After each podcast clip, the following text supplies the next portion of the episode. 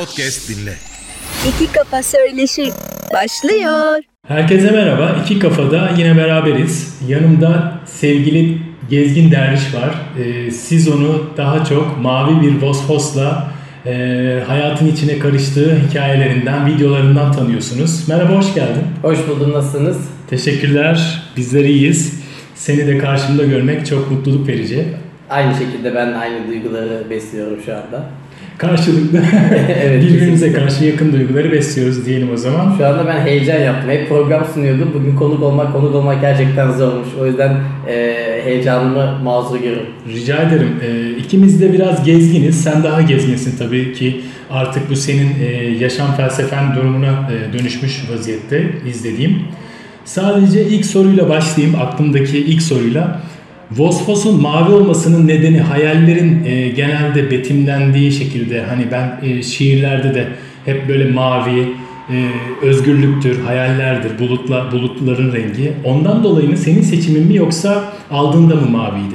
Aldığım zaman maviydi fakat e, daha sonrasında bu e, bunun muhabbetini bugün e, başka bir Vososçu arkadaşımla yaptık.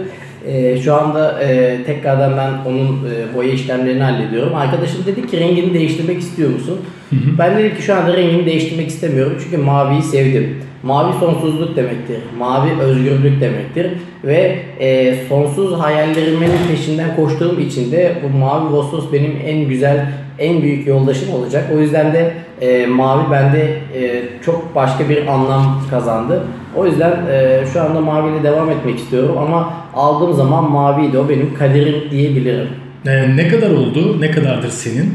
Ortalama bir 5 senedir falan beraber. O kadar oldu mu? Evet. E, ama yani 5 yıllık sürece baktığımızda e, zannederim bir 30 bölüm mü oldu şimdi Vosfos'la yaptığın çekimler? Şimdi şöyle ben Vosos'u ilk aldığım zaman ben onunla gezmeye başladım. Çünkü öncesinde ben zaten otostopla geziyordum. E, Vosos'u aldıktan sonra da Vosos'la gezmeye başladım. E, Vosos sohbetleri konsepti benim çok çok sonradan gelişen bir konseptti. E, o gezemediğim dönemde YouTube'a girme niyetim vardı. Fakat e, gezemediğim için benim burada bir şeyler yapmam gerekiyordu ve elimde Vosos'um var ve insanlarla tanışmak istiyorum. Neden dedim böyle bir format yapmayalım? E, bu konuda da benim arkadaşım var Mecit, sosyal medya uzmanı. Dedi ki kankacığım Vosos sohbetleri dedi konsepti tam senin istediğin bir konsept. E, al bu konsepti buradan yürü dedi. Ben de Vosos sohbetlerini çekmeye başladım. Ee, yani o Vosos'u aldıktan çok sonra gelişen bir süreç oldu. Şu anda da 34 bölüm oldu. Bir 10 bölümde yayınlanmayı bekliyor. Şu anda da böyle bir süreçte ilerliyoruz. Harika gerçekten. Peki e, herkesin böyle bir e, gezgin arkadaşlara, Türklerinden, yani Türklerden yabancılara kadar baktığımızda bir herkesin bir kırılma anı oluyor birkaç olay sonrası. E, sen de böyle bir e, duygusal bir patlama sonucu mu e, kendini yollara vurdun yoksa e, zaten çocukluktan beri bir hayalin miydi gezmek? Şimdi şöyle e, ben aslında kendimi bildiğim bileli geziyorum fakat çocuklukta hep gezmek bizim için büyük bir şeydi. E, tabii ki de birçoğumuz gibi çocukluk hayaliydi fakat sonrasında okulda, üniversiteydi derken e, bir şekilde ona yoğunlaşamadık. O dönemler ben paramla geziyordum. Daha sonrasında tabii ki de bir kırılma dönemim oldu. Pa- Param bitti, ekonomik krize girdim. Ee, sevdiğim kız terk etti. Ee, iş arkadaşlarım e, beni çıkarları uğruna hayallerimi çaldılar. Arkadaşlarım hep çıkarcılardı. O dönem bir e, psikolojik bir bunalıma girdim ve o dönem ben bir intihar etme girişiminde bulundum. E, yoğun bakımdan geri döndüm. O günden sonra dedim ki ben ne için yaşıyorum? Hayallerim için yaşıyorum. O zaman dedim hayallerim için savaşmam lazım. E zaten dibi görmüşüm. Zaten batmışım batacağım kadar. Her şeyini, her şeyini kaybetmiş bir adam daha fazla ne kaybedebilir ki dedim. Dedim ki o zaman bundan sonra hayallerim için yaşayacağım ve e, ondan sonra kendime küçük bir sırt çantası hazırladım. Ve dedim ki ben madem dünyayı gezmek istiyorum benim bir yerden başlamam lazım. Bulunduğum hayattan kaçmam lazım. Benim aslında gezgin olma hikayem bir kaçış hikayesiydi. Ben aslında kendimden kaçmak istiyordum. Ben sosyal medyada beni insanlar gezgin derviş olarak bilirler ama benim Gökhan Karadüç e, bir kimliğim vardı. Gökhan Karadüç isminde. Ben kendi kimliğimden, kendi benliğimden, o anki dönemimden kaçıp sıfırdan bir hayata başlamak istiyordum ve hazırladığım o sırt çantasıyla kendimi yollara attım. Aslında tedaviye ihtiyacım vardı. Ee, intihar ettim. Bir daha bu tarz kötü olaylara bulaşmamak adına kendimi bir şekilde tedavi etmem gerekiyordu ve o dönem yollar bana iyi geldi. E, yol yaptıkça yaptım. Daha sonrasında e, otostopla kendimi yıllarca Türkiye'yi gezerken buldum. Tabii o dönem sosyal medya hayatımızda yok. O dönemler Facebook'ta biraz daha aktifiz ama e, normal e, kullanıcı olarak.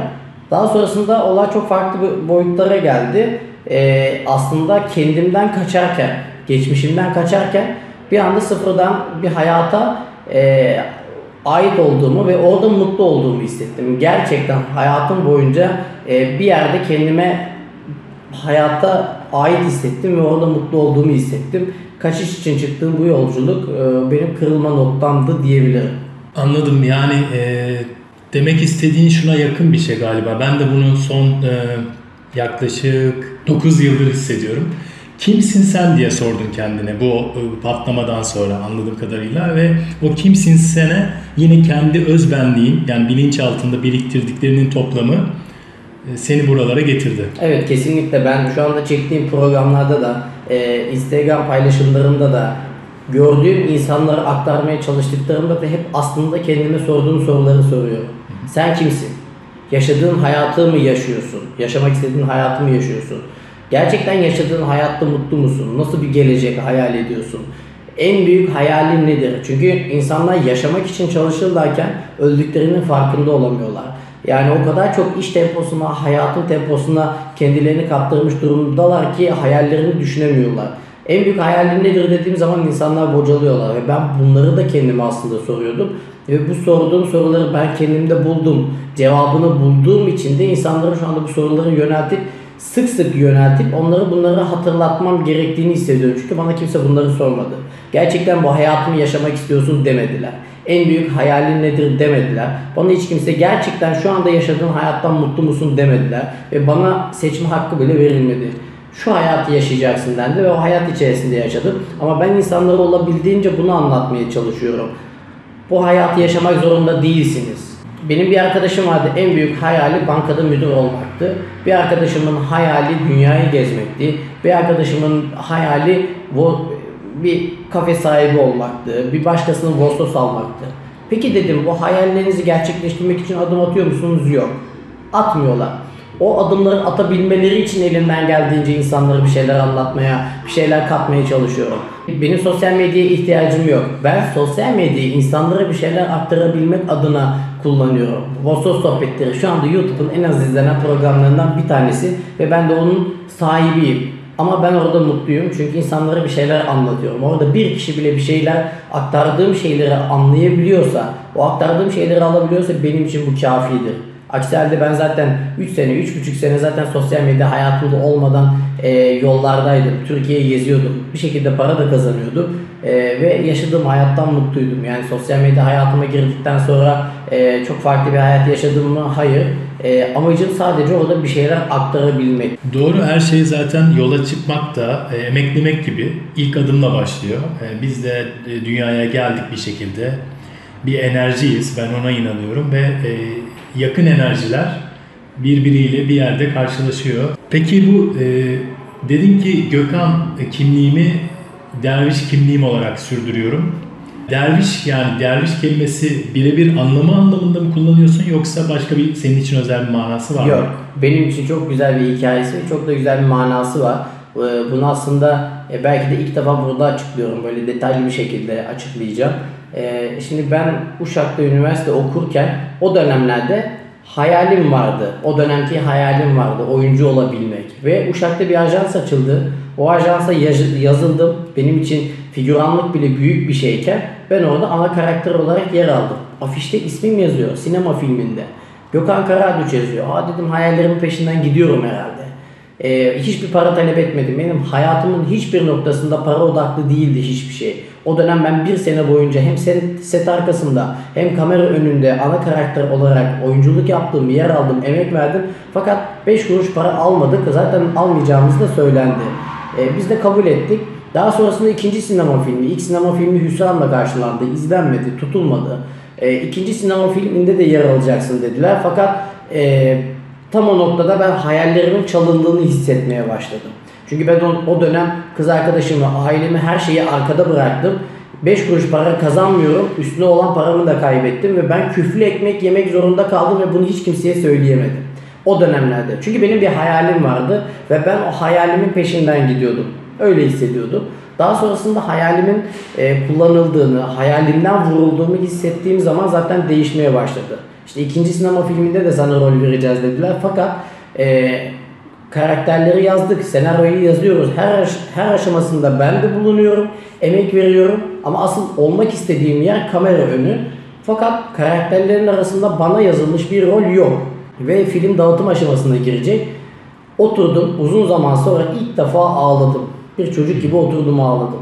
Ben dedim ki benim hayalim bu değil. Benim hayalim oyuncu olabilmekti. E siz beni oyuncu olacaksın diye kandırdınız ve ben de, ben burada çalışıyorum. Senaryoda yazıyorum, oyuncuları da seçiyorum, şoförlüğünüzü de yapıyorum. 5 kuruş para da talep etmiyorum. Çünkü yeter ki hayalim olsun.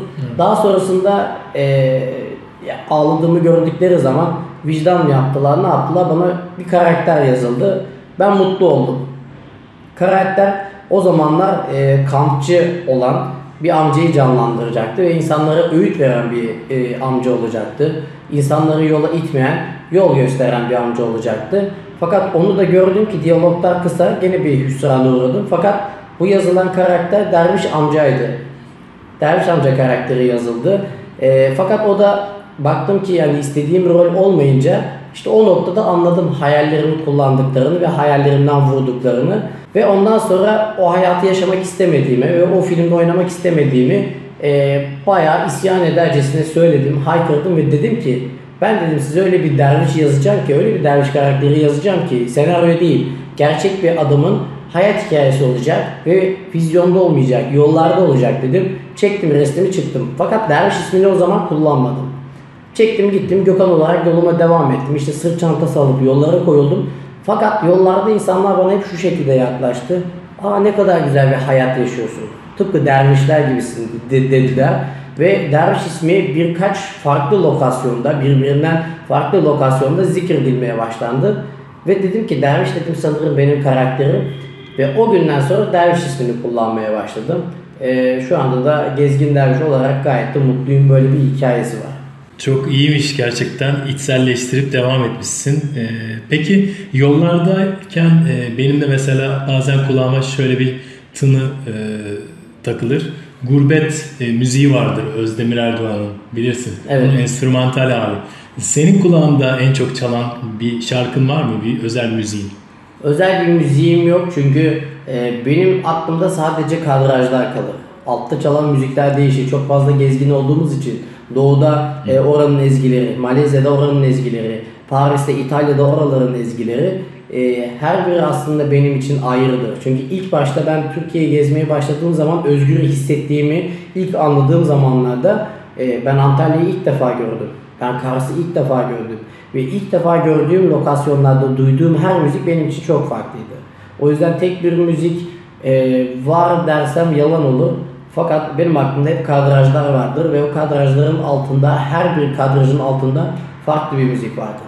Yani e, yöreye göre zaten oraya adapte oluyorsun. Mesela Kuala Lumpur'da da e, rap yapmıştın. O nasıl oldu yani? Kimin fikri? E, o doğaçlama mı çıktı? O an mı çıktı? Ya şimdi şöyle biz e, Malezya'da gezerken e, bütün gezginlerin yaptığı gibi bileklik satarak para kazanmaya çalışıyorduk. Fakat e, sonrasında polisler geldi. Bileklik satamayacağımızı, eğer bileklik satmaya devam edersek ülkeden deport yani ülkeden kovulacağımızı ve bir daha giremeyeceğimizi söylediler. Biz de mecburen bileklik satamadık e, ve cebimizdeki son paralarla işte hadi dedik bari o kadar geldik ülkeyi gezelim demeye başladık. E, çok bir paramız yok bu arada. Ve daha sonrasında e, e, bu arada hani Malezya'da da e, canlı müzik, sokak müziği çok fazladır ve e, gayet de aktif bir şekilde ilerliyor. Canlı müzik yapan bir grubun önüne gittiğimiz zaman arkadaşlarım e, dedi ki hadi sen de sahneye çık. Çünkü benim hiperaktifliğimi ve enerjikliğimi e, ve çılgınlığımı bildikleri için böyle bir teklif de geldiler. Ben dedim ki yapmayın yok e, hani ben sesim kötü ben şarkı söyleyemem. E, o dönemlerde de es- eski kız arkadaşıma yazdığım benim bir aşk şarkısı vardı rap olarak. E, amatör olarak yazdı. Ondan sonra bir anda arkadaşlarım işte sahnedeki arkadaşlarım bu Türk iş e, Türk rapçisi falan demeye başladılar ve bir anda beni sahneye attılar ve ben bir şekilde ortada kaldım. Altyapı yok. Sözleri doğru düzgün ezbere de bilmiyorum. Panik yaptım ne yapacağımı bilmiyorum. Ondan sonra ben sözleri söylemeye başladım. Dedim ki bunlar nasıl da beni anlamıyorlar. Ben dedim bu aşk şarkılarını nasıl anlamayacaklar? Biraz daha underground gibi söylemeye başlayıp zaten bunlar da alttan müzik çalmaya başlarlar ve sonrasında biz oradan para da kazanmaya başladık. Bir anda ben Kuala Lumpur'un ortasında bayağı da kalabalık bir sahnenin önünde rap yapmaya başladım ve daha sonrasında her gördüğümüz sahnede artık rap müzik yapmaya başladık. Ee, olay böyle gelişti. Bir anda gelişti yani. Şapkanı mı sundun ortaya? Nasıl para topladınız? Yani- Herkesin bir figürü vardır ya o anlamda. Şimdi şöyle benim şapkam, şapkalarım zaten meşhurdu. Şapkada topluyorduk fakat e, o an canlı müzik yapan kişiler zaten kutular açıyorlar. E, aslında onlar topluyordu paraları ve oradan bana pay da veriyorlardı. İlk başta biraz e, küçük bir miktar verdiler. Daha sonrasında e, biz başka bir yerde çalışmaya çalışırken Kuala Lumpur'un farklı bir lokasyonda çalışmaya çalışırken e, rapçiler geldiler bizi tanıdılar. Aa sen o rapçi değil misin? Gel bizimle çalış, bizimle sahne al. Sana da pay verelim gibi tekliflerde bulundular. Yani aslında onlar biraz daha işi götürdü. Kolektif bir e, işleyiş vardı yani. Evet, Herkes kesinlikle. birbirine yardım ediyor. Evet kesinlikle öyle oldu. Peki yoldayken gerçekten özüne ulaştığını hissediyor musun? Hep yani e, kendinle barışık mı ilerliyorsun? Hiç düştüğün olmuyor mu? Yani psikolojik olarak nasıl kendini belli bir e, dengede tutuyorsun? Belli bir yöntemin var mı?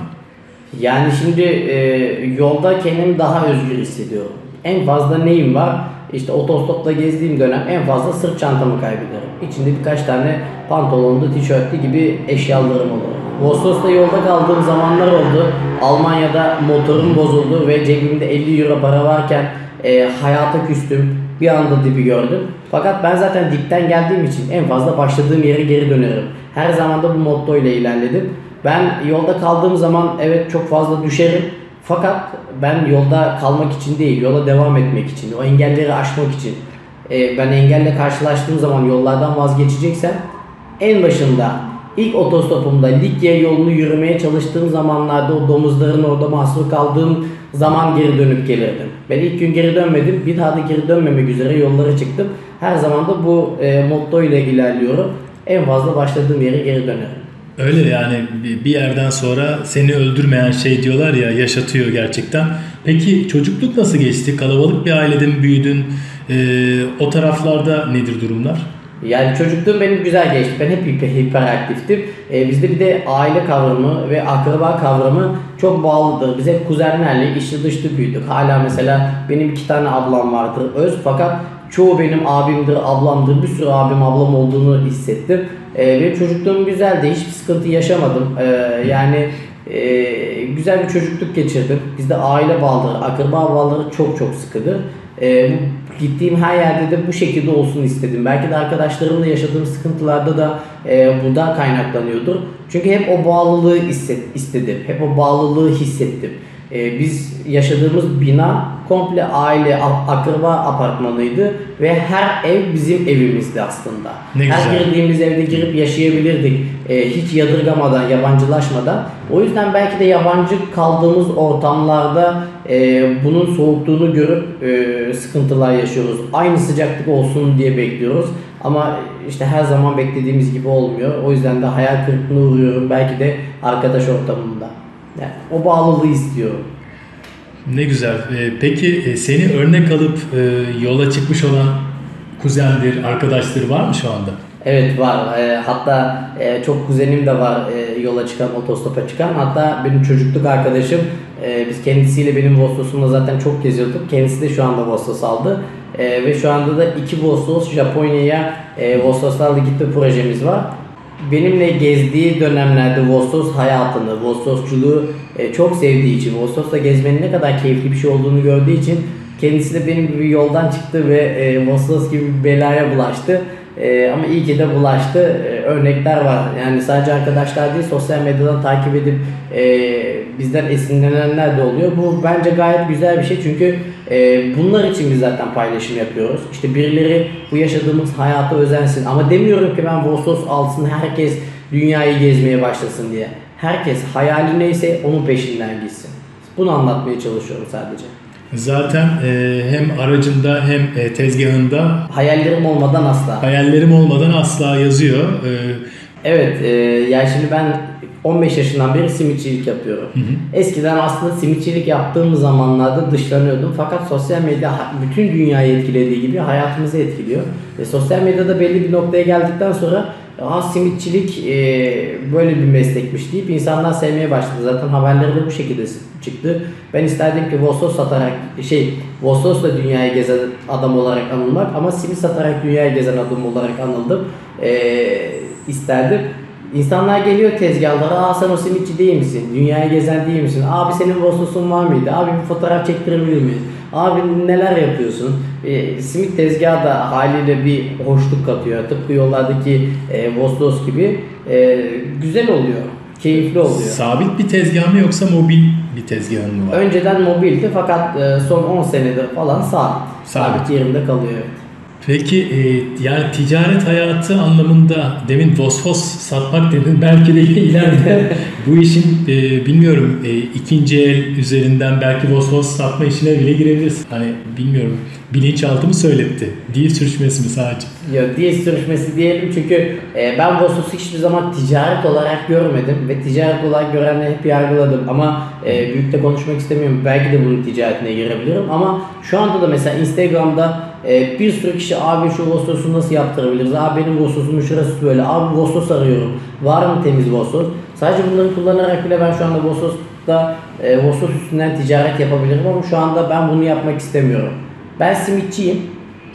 Ben simidimi satarım.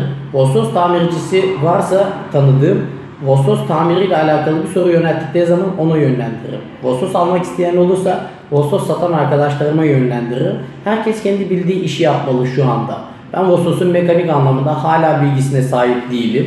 Ben Vossos'la dünyayı gezme konusunda kendime eminim ve insanların bu konularda bir şeyler aktarabilirim. Ee, bu konularda işte Vostos Alsat olayları çok düşünmüyorum. Ee, uzun vadede de düşüneceğimi zannetmiyorum. Ee, tamamen dil sürçmesi diyelim. Peki buradaki şimdi Vosfos sohbetleri yapıyorsun Türkiye içinde. Ee, orada insanlar e, genelde senin sohbetine geliyorlar bir yerde. Çünkü e, sonuçta herkes bir şirin bir araba yapıp e, kendini yollara vurabilir ve sohbet programı yapabilir. Ya bu günümüz teknolojisinde çok basit bir şey. E, sendeki zannederim böyle hem senin yaşantının da ilginç yönleri çekici geliyor hem de bu doğallık belki de. E, en unutamadığın e, konuğun kim oldu? Yani veya e, şöyle anlatayım. Ya bu burada bitmez ikinci bölümü de çekelim dediğim biri oldu mu? Yani aslında çok oldu çünkü e, ben bunu her zaman söylerim. Vostos sohbetleri bir röportaj programı değildir. Tanışmak istediğim insanların hayat hikayelerine daha yakından bakıyorum. İlk başta yakın çevremle başlayıp daha sonrasında e, sevdiğim insanları bu teklifle gittiğim zaman kabul ettikleri zaman zaten ben fark etmeye başladım. E, dedim ki demek ki bu insanlar benim hayat hikayeme değer veriyorlar ve beni e, hiçbir karşılık beklemeden programa gelip benimle sohbet ediyorlar. E, şimdi senin de söylediğin gibi e, kaybolan adam Mert e, bölümü vardı. Onunla zaten iki bölüm yayınladık. E, onunla daha olsa gene 2-3 bölüm daha yayınlardım.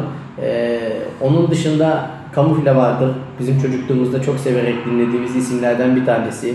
Ee, daha yeni yayınladığım bölümlerden bir tanesi Taylan Kaya yine lise zamanlarında dinlediğimiz ve e, benim için Taylan'ın Taylan Kaya'nın şöyle bir önemi var. Taylan Kaya ben lise zamanlarında dinliyordum. Daha sonrasında bir şekilde Vosos sohbetleri için teklifte gittiğim zaman hiçbir karşılık beklemeden kabul etti. Ve şu anda Taylan Kaya'nın başka hiçbir yerde röportajı yok. Hiçbir yerde videosu yok. Hiçbir yerde bu şekilde vermiş olduğu sözlü demeci yok. Taylan Kaya'nın sadece Vostos sohbetlerinde e, bir bölümü var. 55 dakika boyunca hayat hikayesini sadece Vostos sohbetlerinde bana anlattı ve bu benim için çok önemli, çok değerli bir şeydi. Çünkü hayat hikayesini merak ettiğiniz bir insan geliyor ve başka hiçbir yerde olmayan bir bölümü size yayınlatıyor. E, ben Vostos sohbetlerini çok seviyorum ve e, her konuğumla tekrardan bölüm çekmek isterim. Çünkü sevmediğim insanları ben e, konuk almadım. Hep sevdiğim, hayat hikayesini yakından merak ettiğim insanları konuk aldım. Hayatından da bir şeyler katarak bir külliyat oluşturuyorsun. Çok değerli dediğin gibi. Ee, yeni insanlar tanımak, gezmek kadar e, insana pek çok şey katar. Ben de katılıyorum bu fikrine. Peki e, başka proje anlamında Vosfos veya Vosfos formatı dışında herhangi bir e, durum var mı geliştirdiğin? Yani tabii ki de e, hayatımın her anında böyle deli gibi içerik üretiyorum. Ben gece 3'te kalkıp akşam 11'lere kadar simitçilik yapıyorum. Ama simit satarken, müşteriyle ilgilenirken bile aklımda deli gibi sosyal medya var. Yani şu süreçte hatta simitçiliği bırakıp sadece sosyal medyaya yoğunlaşmak gibi bir niyetim var. Fakat henüz ona hazır değilim. Ee, ama tabii ki de işte başka formatlarda geliştiriyorum. Ben devamlı üstünde katmayı, kendimi geliştirmeyi ve e, çektiğim programlara devamlı bir şeyler katmaya çalışmayı çalışıyorum. Ve bunu da severek yapıyorum. E, bu benim için çok önemli. O yüzden e, sürekli bir üretim aşamasındayım aslında. Ya, paylaşmadığım ve paylaşamayacağım bazı e, şeyler de var. E, altyapısını henüz kurmadan bir şeyler paylaşmak istemiyorum. Ama Vostos sohbetleri şu anda gayet güzel ve keyifli ilerliyor. Onun dışında Vostos'ta dünya turu e, projemin zaten ikinci etabı Japonya devamlı pandemiydi, sağlık problemleri derken ertelemek zor, zorunda kaldım. İşte Gezgin Derviş Firada gibi bir bölüm yaptık Malezya'da bir dönem. E, tekrardan yola çıktığım zaman bu devam edecek. E, Derviş FM var aynı seninkisi gibi böyle podcastler yapıp aynı zamanda dünyayı gezen arkadaşlarımla canlı bir şekilde e, yol hikayeleri e, formatım var. Şu anda bu şekilde ilerliyor. Harika.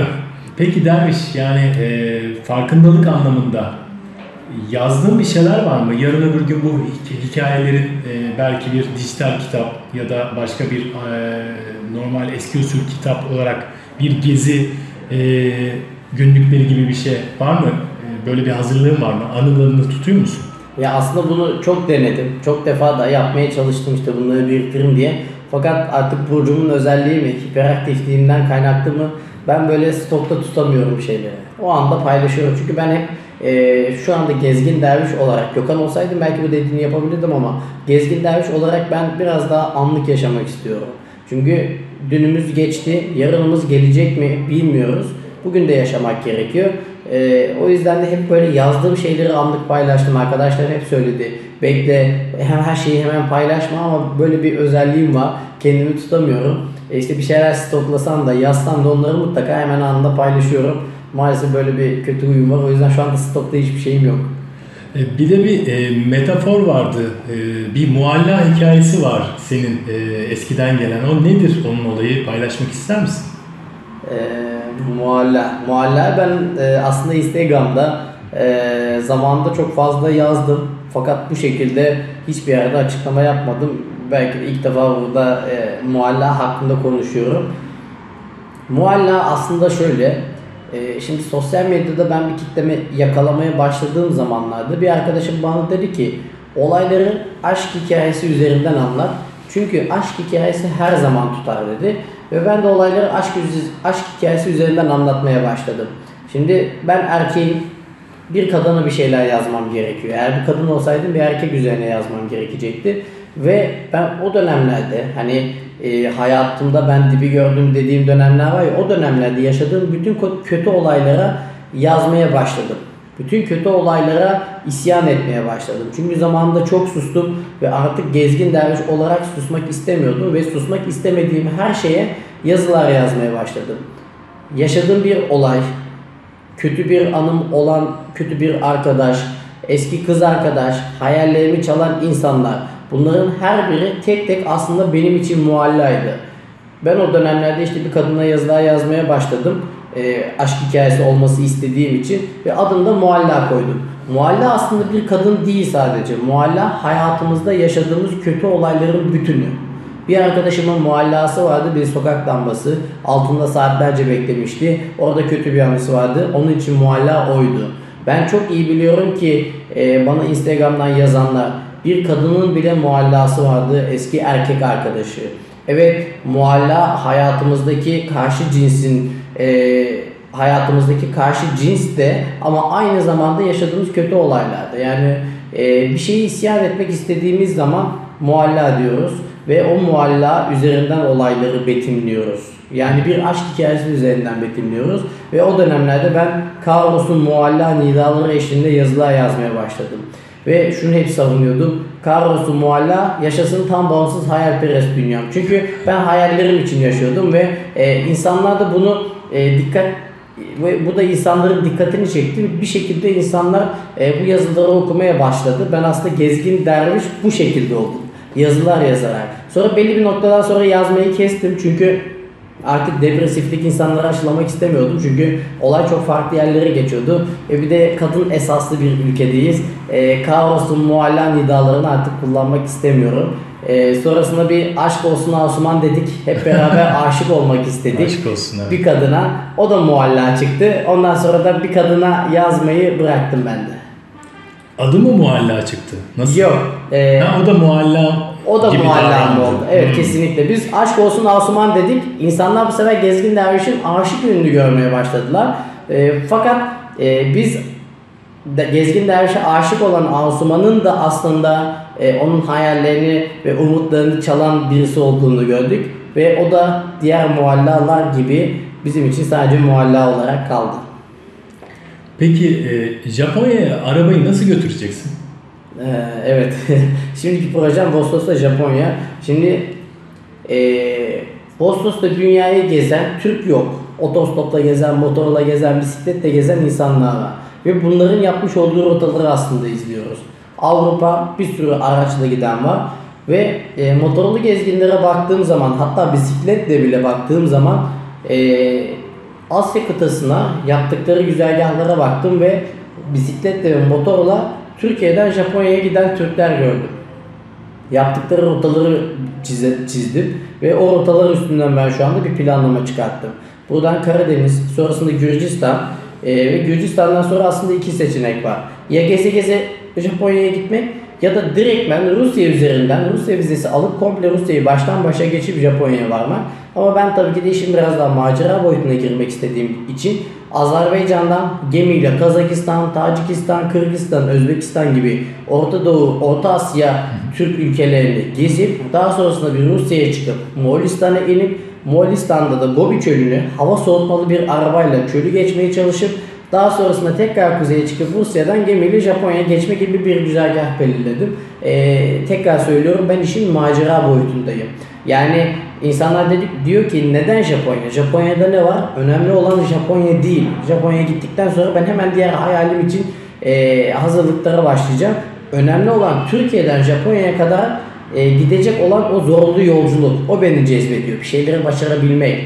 E, ve bunu Vostos'ta yapabilmek. Çünkü Vostos'ta hala dünyaya gezen tek Türk'üm. Ve e, kaç yıllık bir arabadan bahsediyoruz? 1973 model bir e, araçtan bahsediyoruz. Her yerde seni görebiliriz yani ara- arabanla İstanbul'da da geziyorsun. Yani kayıtlar için geziyorsun herhalde. Hem çekimler için aynı zamanda da İstanbul keşifleri de yapıyorum. Biz yıllarca aslında doğma büyüme İstanbulluyuz ama gezgin olduktan sonra dedik ki bari doğup büyüdüğümüz şehri de gezelim ve İstanbul çok büyük bir yer. E, bu arada arabam da şu anda bakımda. E, işte o Japonya macerası için şu anda e, detaylı bakıma girdi. O yüzden şu anda e, tamircimde. E, ama şu anda İstanbul'da aktif. Gobi Çölü dedin. Gobi Çölü'nü e, geçebilecek misin yani buna inanabiliyor musun? E, orada herhangi bir arıza durumunda B planın nedir peki? Yani e, en fazla yolda kalırım düşüneceğim. Hep e, yollara çıktığım zaman tek mottom buydu. En fazla yolda kalırım. Daha kötüsü ne olabilir? Ben Vostos'ta Avrupa'ya gittiğim zaman dedim ki en fazla yolda kalırım. En fazla motor yerim. Ne olacak dediğim zaman Almanya'da cebimde 50 euro para varken motor yedim ve hüngür hüngür ağladığım zamanı biliyorum. Ama ne oldu? Bir şekilde ayağa kalktım ve ben o motoru bozuk Vostos'u bir şekilde birilerinin de yardımıyla ülkeme geri getirdim. Ee, bunun için de bir planım yok. Benim hayata karşı zaten bir planım yok. Gezgin derviş olmanın en büyük özelliklerinden bir tanesi bu. Düşünmeyeceksin. İsteyeceksin ve yapacaksın. Tek çaresi bu. Hayallerini gerçekleştirmek için tek yol bu. B planı yapmayacaksın. Eğer ki B planın varsa her zaman avantajlısın ama her zaman en kötüsünü düşünerek yola çıkacaksın. En fazla ben o Gobi çölünde kalırım, arabamı oraya bırakırım ve daha sonraki o rotadan geçecek insanlar için başlarını sokacak bir otel haline getiririm. İnsanlar her geçtiğinde beni anarlar. Derviş Otel olarak orası kalır. Öyle bir hayalim var. Eğer çölü geçmezse e, ama ya geçerse beni her zaman cezbeden nokta budur. Ya başarırsam ya yanlışlıkla Vostos'la Japonya'ya gidersem Süper. Peki ailen destekliyor mu seni? Yani hiç mi karşı gelen olmadı? Yani ne işin var, e, ne güzel tezgahımız var, işini yapmaya devam et, yol yani yaşın geçiyor, şudur budur gibi e, bizim kültürümüze de yakın söylemler duymadın mı? Kesinlikle duydum. Hala da duyuyorum. Yola ilk çıktığım zamanlarda da duydum. Şu anda da duyuyorum. Fakat şöyle bir fark var. İlk zamanlarda tabii ki de desteklemiyorlardı. Ee, ama şu anda destekliyorlar. Çünkü yaşamak istediğim hayatın bu olduğunu biliyorlar. Ee, ve buna şu anda saygı gösteriyorlar. Ama tekrardan söylüyorum. isterler ki evleneyim ve normal insanlar gibi hayatıma devam edeyim. Ama bunu yıllarca bana anlatamadıkları için ve bu hayatı yaşamak istediğimi bildikleri ve o hayatta mutlu olacağımı bildikleri için şu anda saygı gösteriyorlar ve her zaman da destek oluyorlar. Ee, ben hayatımın en kötü noktasında her şeyimi kaybettim mi, her şeyimi kaybettiğimi hissettiğim noktada yine benim yanımda sadece ailem. O yüzden zaten şu anda İstanbul'da bulunma sebeplerinden bir tanesi o. Ee, en azından güvende olduğumu ve huzurda olduğumu hissetsinler ve belli bir noktadan sonra ben gideyim. O yüzden de şu anda e, onlar için şu anda İstanbul'daydım ve artık zamanı geldiğini hissediyorum ve inşallah en kısa zamanda da yollara çıkacağım ama dediğim gibi onlar her zaman destekçim. Japonya öncesi belki de senin e, son belki de e, söyleşin mi olacak? Evet yani uzun zamandır e, kimseyle böyle söyleşi yapmıyorduk. Bir işte haber kanallarına çıktım. E, Japonya için henüz vakit var bu arada. E, çünkü çok detaylı hazırlanmak istiyorum. Çok zorlu bir yolculuk olacak ve hayatımızın yolculuğu olacak. Şu anda o yüzden detaylı bir hazırlık içindeyiz. E, tarih için henüz kafamızda net bir planlama yok. Çünkü e, işte öncesinde yapmamız gereken bazı şeyler var. E, eksik olan ekipmanlar veya işte e, planlamada bazı eksiklikler var. Onları tam böyle hazır hissettiğimiz zaman her an yolda çıkacağız. E, ama çok kısa bir zamanda onu hissedebiliyorum. Ve şu anda da e, yani beni konuk aldığın için de çok teşekkür ederim. E, çünkü hep ben konuk alıyordum. Anlatmayı unutmuşum. Hep sorular soruyordum. Anlatmayı unutmuşum. Şu anda da burada anlatıyorum. Belki de dediğim gibi Ağustos'ta Japonya öncesinde e, en önemli yayınlardan bir tanesi bu. Maddi anlamda destek e, aldığın herhangi bir marka var mı? Olacak mı? Ya da gelen teklif var mı? Ya şimdi şöyle ben şimdiye kadar e, doğru düzgün hiçbir işbirliği yapmadım. Böyle gerçek anlamda bir işbirliği veya gerçek anlamda bir sponsorum olmadı. E, şimdi bu projelerimden bahsediyorum. E, sponsor olmak istediğini veya işbirliği yapmak istediğini söyleyen insanlar var. Fakat hala kimseyle görüşmüş değilim. Hala netleşen bir şeyler yok. Ve çok fazla dolandırıcı var. Yani bize sponsor olmak istediğini söyleyen fakat e, tamamen amacının bizi dolandırmak olduğunu hissettiğimiz e, kişiler var.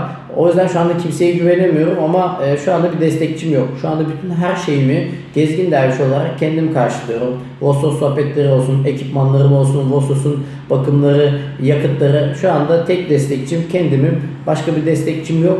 E, teklifler gelir mi bilmiyorum. Yıllardır bekliyorum. E, biraz daha bekleyeceğim sanırım. Bu hem maddi bir planlama hem de zaman planlaması gerektiren bir şey.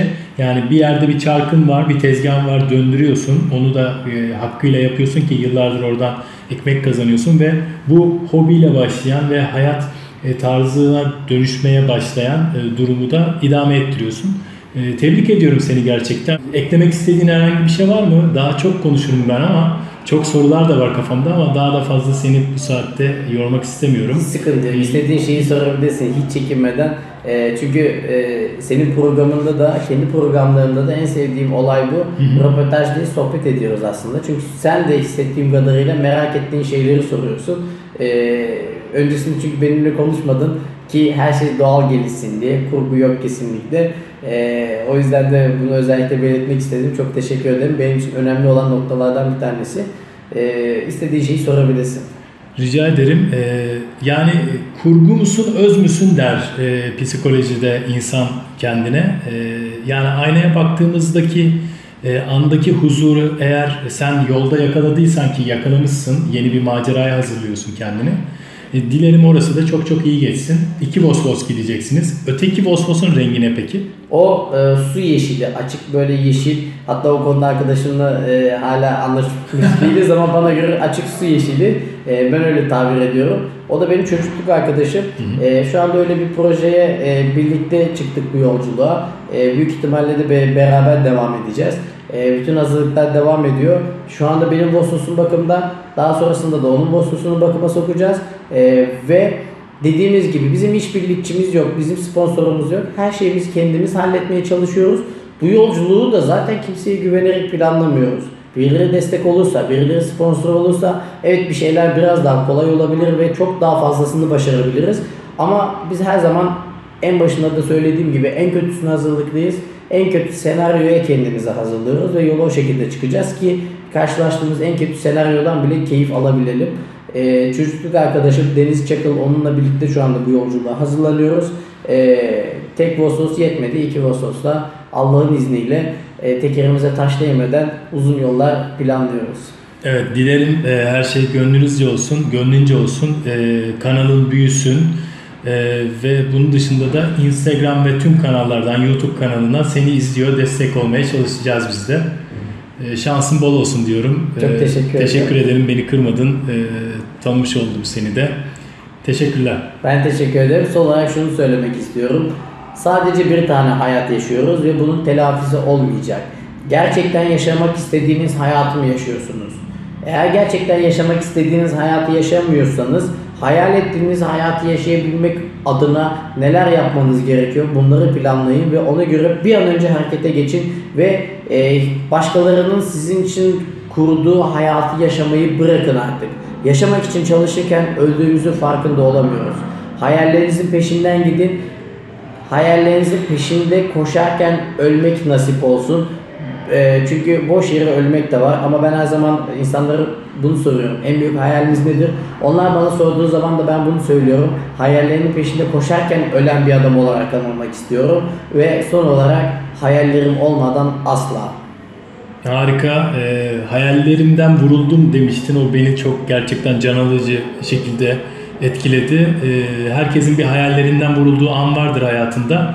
E, daha fazla vurulmadan hayallerinizi yaşayın diyorum ben de. Teşekkürler. Ben teşekkür ederim. Sağ olasın. İki Kafa Söyleşi sonraki bölümde görüşmek üzere. Podcast dinle.